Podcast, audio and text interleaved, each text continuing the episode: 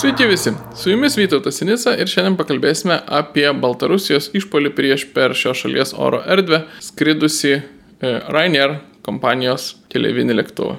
Gegužės 23 dieną per Baltarusijos oro erdvę skridęs iš Graikijos į Lietuvą keleivinis lėktuvas buvo prievarta nutupdytas Baltarusijoje, jo keleiviai išlaipinti, sulaikyti maždaug 7 valandoms, apieškoti, o galiausiai buvo paleisti tik po to, kai iš Lietuvos į Baltarusijos oro erdvę e, atskrido iš Vilniaus skridęs Baltarusijos avialinijų Belavija keleivinis lėktuvas. Baltarusija sulaikė e, šioje šalyje ieškomų paskelbto opozicijos veikėjų informacinio kanalo Nexta įkūrėją Romaną Protasevičių. Baltarusija paskelbė, jog gavo pranešimą apie lėktuve galimai esančią bombą, todėl buvo priversta nutupdyti lėktuvą, jį apieškoti pirmiausia dėl pačių keleivių lėktuvo ir galimai net Vilniaus oro uosto saugumo. Šalies žiniasklaida taip skelbia, kad Baltarusija pasitarnavo Europai. Suprantama, jokios bombos lėktuve nebuvo, Apie ją buvo pranešta melodingai, greičiausiai tai buvo suplanuota iš anksto ir tą padarė lėktuve muštynės prieš e, šį incidentą ir lėktuvo nutupdymą sukėlė e, Baltarusijos, o galimai galbūt ir Rusijos, tai dar bus išaiškinta agentai. Formaliai tai tikrai puikiai paruoštas pretekstas. Realiai visi puikiai supranta, kad visa operacija buvo įvykdyta tam, kad būtų galima sulaikyti lėktuve buvusi Baltarusijos opozicijos veikėją, todėl dabar Baltarusija sulaukia pagristo visuotinio vakarų šalių pasmerkimo. Pasmerkimai diktatorių adresu jau yra tapę savotiškų pajokos objektų realistiškai tarptautinius santykius žiūrinčių piliečių akise. Visi diktatoriai yra linkę bandyti ribas, žiūrėti, kas jiems bus už įvairių tarptautinės teisės normų ir elgesio normų pažeidimus.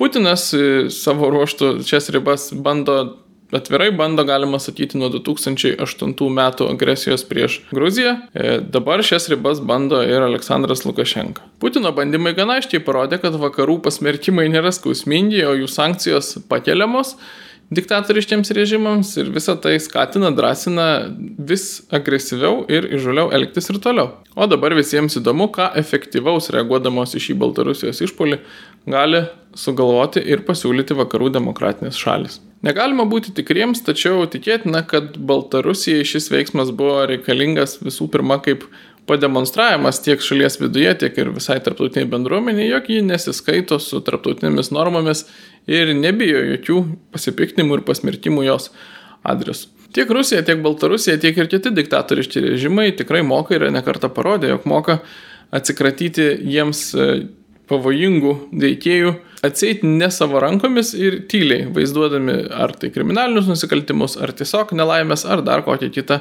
pretekstą, kuris leistų kratytis atsakomybės už politinių veikėjų likvidavimą. Protasevičius galėjo ramiausiai nuskesti atostogaudamas Graikijoje. Šį kartą surinktas išskirtinis spektaklis ir daugybės normų sulaužimas pritraukęs, na, neįtikėtinai didelį viso pasaulio dėmesį. Lukašenka žinojo, kad tai bus, pasirinko šį kelią, vadinasi, norėjo tokio dėmesio ir logiška manyti, kad tą dėmesį laiko reikalingu kažką įrodyti. Šis veiksmas rodo kelis dalykus. Lukašenka akivaizdžiai yra abejingas tarptautiniams elgesio normoms, jam nerūpi jo laukiantis pasmerkimai, e, galimai nutrūkstantis dialogai, vakarų reikalavimai ir taip toliau. Jis aiškiai matė, kad e, prieš jį praėjusiais metais e, vyko iš vakarų šalių, iš ES šalių ir konkrečiai taip pat ir iš Lietuvos gana aktyviai palaikytas ir kurstytas perversmas, jis sugebėjo tą perversmą numalšinti stabilizuoti savo valdžią ir dabar ieško tiek būdų pademonstruoti tą stabilizuotą valdžią, tiek ir atkeršyti, atsikratyti tų, kurie jam maišo. Tarptautinis įvaizdis jam nebėra svarbu. Kita vertus, e, šis Baltarusijos veiksmas ir numanomos jo pasiekmes yra naudingiausios iš visų šalių Rusijai. Apskritai viskas, kas destabilizuoja Lukašenkos režimą, tačiau nesugeba jo nuversti, yra naudinga pirmiausiai Rusijai. Spaudžiamas į kampą Lukašenka yra priverstas ieškoti Putino režimo pagalbos ir bet kokia vis didesnė pagalba reiškia vis didesnę Lukašenkos priklausomybę nuo Kremliaus. Rusija yra vienintelė Lukašenkos atrama užsienyje ir kuo daugiau jis ją remiasi, tuo labiau yra suvaržoma Baltarusijos na, nepriklausomybė, suverenumas, tuo labiau jis priklauso nuo Putino režimo, tuo didesnė ir Rusijos laisvė kariniams ir ne tik kariniams, bet kokiems manevrams Baltarusijos teritorijoje. Tuo pačiu ir pavojus mums. Išpolis prieš nutupdytą į lėktuvą neabejotinai sulauks pagristų vakarų sankcijų ir toliau stums Lukašenka į Putino glėbį ir didins pastarojo įtaką. Neatmestinas, nors kol kas aišku ir neįrodytas scenarius, jog Rusija pati galėjo prisidėti prie šios operacijos. Visą parą klausėmės banalių pasmerkimų, tačiau pagaliau pradėta kalbėti ir apie sankcijas. Kol kas nėra jokio konkretumo, kokios jos turėtų būti, tačiau galima iš principo apžvelgti, kokio pobūdžio reikalingos sankcijos, jeigu norima e, bent kažkokio efektyvaus rezultato, šiuo atveju greičiausiai Romano Protasevičiaus paleidimo iš Baltarusijos. Jeigu to norima, vienintelis kelias yra sankcijos, kurios paliestų ne tik režimo donorus ir įtakingiausius asmenys, bet būtent visą Baltarusijos visuomenę, Baltarusijos žmonių kasdienybę. Pats Protosevičiaus kaip sulaikyto asmens buvimo Baltarusijoje faktas turi kelti nepasitenkinimą ir problemas Baltarusijos visuomenėje. Tikėtinas demokratinių šalių sutarimas, jog Baltarusijos oro erdvė yra nesaugi ir nuo šiol ją aplenks kitų šalių lėktuvai. Tačiau iš tiesų efektyvės būtų tokios sankcijos, kurios paliestų e, Baltarusijos piliečių kasdienybę. Pavyzdžiui, na, kad ir bent e, draudimas iš Baltarusijos patekti į ES šalis. Vakarų šalims tokias ar panašias sankcijas galima parduoti tik aiškinant, kad tai, kas nutiko 94 Lietuvos piliečiams buvusiems tame lėktuve, gali nutikti ir bet kurios kitos šalies piliečiams ir kad toks Lukašenkos auklėjimas yra visiems naudingas ateityje. Nors bendros sankcijos yra siekiamybė, tačiau nėra jokios prasmės laukti, kol jas įves visos vakarų šalis kartu bendrai.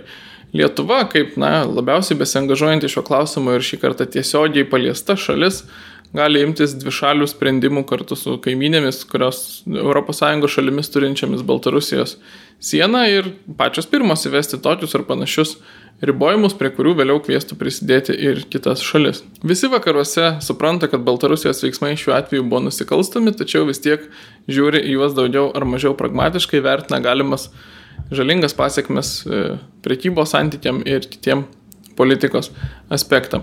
Kaip Putinas e, nuolatos bandė Obamos nuolaidžiavimo ribas ir įsitikino, kad jos beribės. Taip ir Bideną šitoje vietoje bandoma išbandyti ir labai tikėtina, kad jis bus linkęs daryti nuolaidas ir praleisti šį įvykį pro pirštus.